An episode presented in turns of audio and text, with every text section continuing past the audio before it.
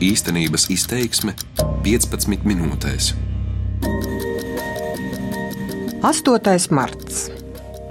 Kādam starptautiskā sieviešu solidaritātes diena, kādam bijušie padomu laika svētki, kādam tulpju dāvināšanas laiks un labas peļņas iespēja, kādam prieks un romantiskas vakariņas, kādam pavisam parasts datums kalendārā. Tā ir katra brīva izvēle. Taču man, Latvijas rādio ziņu dienas žurnālistei Aigai Pelanē, šodien gribētos parunāt par kādu nopietnu tematu, par kuru ikdienā runājam nelabprāt. Proti, par sieviešu lomu Latvijas darba tirgū. Un, lai arī ikdienā izliekamies, ka viss jau principā ir kārtībā, taču tā nebūtu nav. Šoreiz bez neiedzīga disputa, vajag vai nevajag dāvināt šajā dienā sievietei ziedus, parunāsim par sievieti kā ekonomisko vienību mūsu tautsēmniecībā. Sievietei Latvijas tautsēmniecībā ir divas būtiskas lomas. Pirmkārt, Latvijā sievietes nav nekāds vājais dzimums, bet gan ir būtisks darba spēka resurss. No 1,95 miljoniem Latvijas iedzīvotāju sieviešu ir vairāk nekā miljons.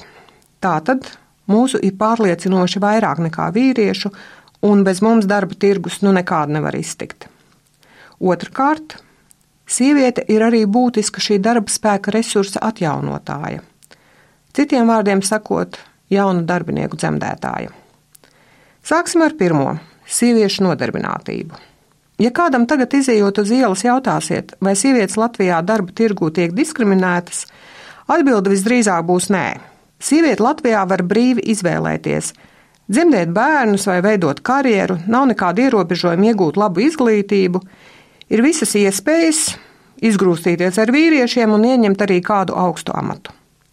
Galu galā Latvijā sieviete ir bijusi valsts prezidente, arī saimā, kurai pieder augstākā likumdošanas vara valstī, regulāri par priekšsēdētāju ievēl tieši sievietes. Sievietes ir ministrs un nebaidās arī ministrēšanas laikā dzemdēt bērnu. Sievietes ir uzņēmuma vadītājas un īpašnieces, ārstes, zinātnieces, veikalnieces un dara daudz citu darbu. Arī ar profesiju izvēli problēmu Latvijā nav. Dari, ko gribi. Turklāt, ja palūkojamies statistikā, sievietes ne tikai ir fiziski vairāk darba tirgu nekā vīrieši, viņas ir arī aktīvākas darba meklētājas nekā vīrieši. Ja pērn teju katrs desmitais vīrietis Latvijā bija bez darba, sieviešu vidū bezdarbs bija zemāks tikai 7,7%. Jāpiebilst, ka sievietes arī mērķiecīgāk iegūst izglītību, un viņas kopumā ir labāk izglītotas nekā vīrieši. Piemēram, 2016. gadā no 15,7 tūkstošiem, kas ieguva augstskolas diplomu, vairāk nekā divas trešdaļas bija sievietes. Un šis nav pirmais gads, kad augstākās izglītības diplomu vairāk saņem sievietes. Augstākā izglītība ir 42% Latvijas sieviešu. Turklāt šajā ziņā sievietes ievērojami apsteidz vīriešus. Tātad Latvijā sievietes ātrāk atrod darbu un ir arī labāk izglītotas. Vai tas nozīmē, ka sievietes ir gana konkurētspējīgas Latvijas darba spēka tirgū? Jā, neapšaubāmi. Atšķirību darba tirgū starp sievietēm un vīriešiem nav daudz. Līdz brīdim, kad pienāk algas diena.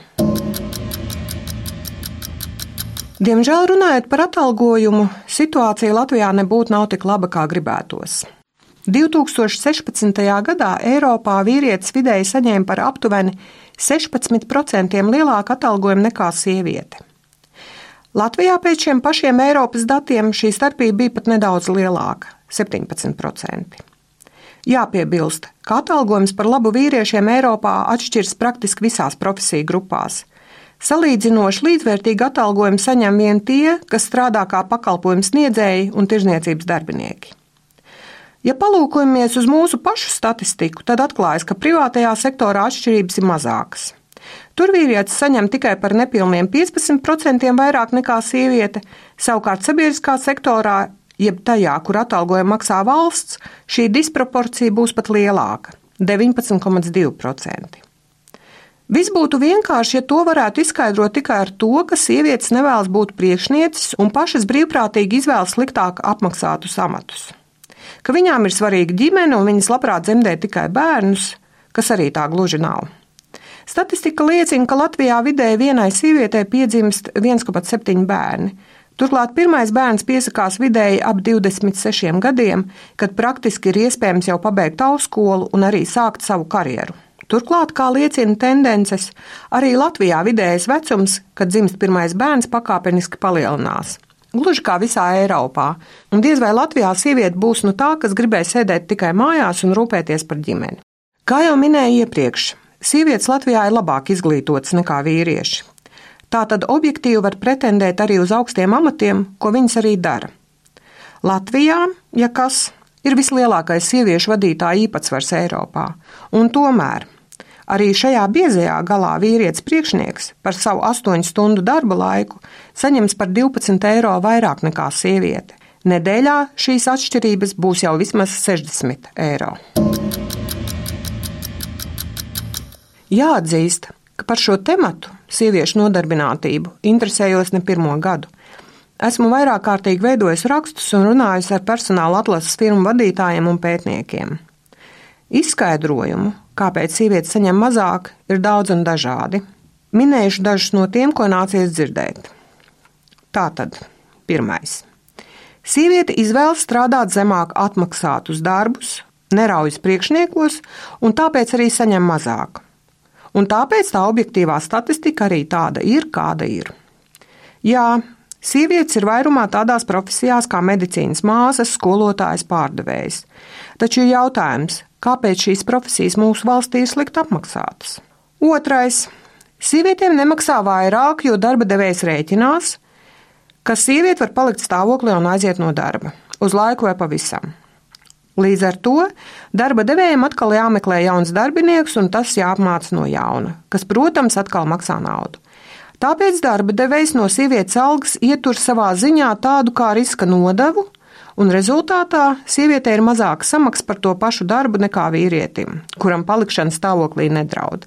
Turklāt šāda darba devēja politika skar jebkuru sievieti, arī tādu, kuru pat negatavojas dzemdēt. Trešais - sievietēm jau ir bērni. Tātad viņa slimos un sieviete kavēs darbu. Atkal zaudējumi darba devējiem. Un atkal šī nosacītā riska nodeva tiek iekļauta sievietes algā, un tāpēc viņa saņem mazāku algu. Ceturtais. Sievietes darba pārunās necīnās par augstāku samaksu. Vīrieši atļaujas ilgāk būt bez darba, lai varētu sagaidīt labāku piedāvājumu. Sievietes nav tik pārliecinātas par sevi un mēģina atrast darbu pēc iespējas ātrāk. Piektais. Vīrietim jāuztur ģimene, un viņam tāpēc jāmaksā vairāk. Tie ir visizplatītākie argumenti, kas tiek minēti, kāpēc sieviete saņem mazāku atalgojumu un kāpēc tas būtu jāuzskata par normālu parādību. Individuālās sarunās ar vīriešiem priekšniekiem nācies dzirdēt arī tādas frāzes: Kāpēc gan viņai maksāt vairāk, ja viņai vīrs labi pelna, vai arī zeķbiksēm un lūpu krāsai jau pietiek? Gribu vien piebilst, ka nekur netiek apstrīdēta sievietes kvalifikācija vai prasmes. Piemēram, Sieviete ir stulbāka nekā vīrietis, vai arī viņa nespēja pilnībā veikt savus pienākumus kādu fizisku īpatnību dēļ, un tāpēc samaksai objektīvi par vienu un to pašu darbu būtu jābūt zemākai. Kāpēc gan sievietes Latvijā ir gatavas samierināties ar zemāku atalgojumu vai arī darīt sliktāk atalgotus darbus? Psihologi visdrīzāk to skaidros ar sievietes nepieciešamību pēc stabilitātes un nevēlēšanos ne ar vienu cīkstēties par kādu iekārojamu amatu. Vienkārši sakot, sieviete nesot cīnītāja, šajā lomā labāk iejūtas vīrietis. Un tad atkal parādās visi senie un mītiskie stāsti par vīrieti, kas medī mamutu un sievieti, kas kurina pavardu. Taču atkal, vai viss ir tik vienkārši? Minējuši tikai vienu piemēru. Latvijā tiek šķirtas daudzas laulības. Piemēram, ja 2016. gadā tika noslēgtas 13,000 laulību, tad šķirtas vairāk nekā 6,000. Vidēji viena laulība ilgs 13 gadus, un tas nozīmē, ka laulības tiek šķirtas tad, kad ģimenē ir arī nepilngadīgi bērni. Tieši sievietes nereti ir tās, kuras uzņems lielāko daļu rūpju par bērnu audzināšanu. Turklāt Latvijā bieži bērni dzimst nereģistrētās attiecībās, kas mazina iespēju piedzīt uzturlīdzekļus no partnera. Varbūt nevis sievietei ir zema pašapziņa un tā nevēlas labi atmaksāt darbu, bet viņa vienkārši retāk var atļauties gaidīt labāku darbu vai zaudēt iespēju strādāt tāpēc, ka gribējusi augstāku algu. Latvijas darba tirgū sieviete nenoliedzami ekonomiski ir ļoti labs darba spēka resurss. Taču cik šis resurs ir spējīgs aizstāvēt savas tiesības un izvirzīt arī prasības gan darba devējiem, gan valstī? Latvijā pat demogrāfiskā politika principā tiek veidot ļoti primitīvi, maz domājot par pašas sievietes pašreizējām un arī nākotnes ekonomiskajām interesēm. Politiķi uzskata, ka tūlīt iedota nauda pabalsta veidā ir galvenais motivators, kas liktu sievietē dzemdēt vairāk bērnus. Tādējādi katru gadu tiek runāts par nepieciešamību palielināt dažādu veidu pabalstus un veikt piemaksas par bērnu skaitu. No vienas puses tas nav nekas slikts, un šāds materiāls stimuls tiek sabiedrībā akceptēts un ir spiediens pabalstus par bērniem palielināt vēl vairāk. Taču no otras puses Šāda politika no darba tirgus izņem ārā daudzas sievietes, jo pabalstu apmērs ir jau tāds, ka tas vairs nestimulē sievieti atgriezties tajā. Vien gribu atgādināt, ka Latvijā kopumā sāk trūkt darba spēka, un ja vien politiķi negatavojas plaši atvērt migrācijas vārtus, agrāk vai vēlāk būs jāķers klāt arī pie netik patīkamas nodarbes un jāievieš korekcijas arī pašreizējā demogrāfijas politikā. Ja precīzāk, Tā būs jāveido daudz sarežģītāka un tāda, kas motivēs sievieti ātrāk atgriezties darbā. Turklāt tas būtu izdevīgi ne tikai mūsu ekonomikai, bet arī pašai sievietei. Nereti izkrišana no darba tirgus uz vairākiem gadiem, kamēr tiek dzemdēti bērni un tie tiek audzināti, nozīmē arī iegūto profesionālo iemaņu vismaz daļēju zaudēšanu. Latvijā, diemžēl, ir salīdzinoši maz darba devēja, kas piedāvā strādāt nepilnu slodzes darbu, vai piedāvā jaunajām māmiņām savu mazuli atstāt speciāli bērniem izveidotā spēļu istabā darba vietā.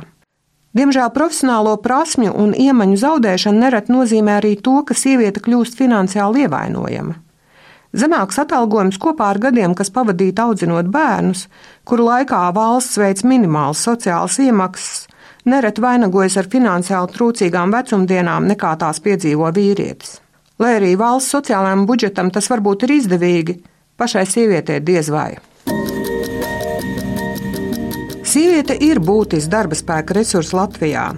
Tā ir labi izglītota, nav pārāk prasīga un arī lētāka nekā vīrietis. Tā ir gatava strādāt gan zemāk atmaksātus darbus, gan arī saņemt mazāku algu par līdzvērtīgu darbu. No vienas puses to varētu saukt arī par ideālu, jeb izdevīgu darbinieku, skatoties no darba devēja puses. Taču, diemžēl, šāda situācija noved pie tā, ka sieviete ne tikai dzīves laikā ir finansiāli sliktākā stāvoklī nekā vīrietis, bet viņu sagaida arī finansiāli daudz smagākas vecumdienas. Kāpēc Latvijā sievietes ir gatavas samierināties ar šo situāciju? Vai tāpēc, ka viss jau ir kārtībā, un mums taču te Latvijā sieviete ir bijusi gan valsts prezidenta, gan arī saimnes priekšsēdētāja? un tas 8. martā uzdāvinātais tulpas zieds nebūtu neaicina uz protestu, bet taču liecina par cieņu un mīlestību. Sieviešu Latvijā ir vairāk nekā miljons. Tās ne tikai strādā, bet arī dzemdē bērnus, un arī dzīvo vidē ilgāk nekā vīrieši. Diemžēl arī nabadzīgāk, un ne jau tāpēc, ka būtu neizglītotas vai nemācētu strādāt. Īstenības izteiksmi šodien veidoja Aiga Pelane, par skaņu rūpējās Renārs Štēmans. Darbības vārds īstenības izteiksmē izsaka darbību kā realitāti. Tagatnē, pagātnē vai nākotnē, vai arī to noliedz.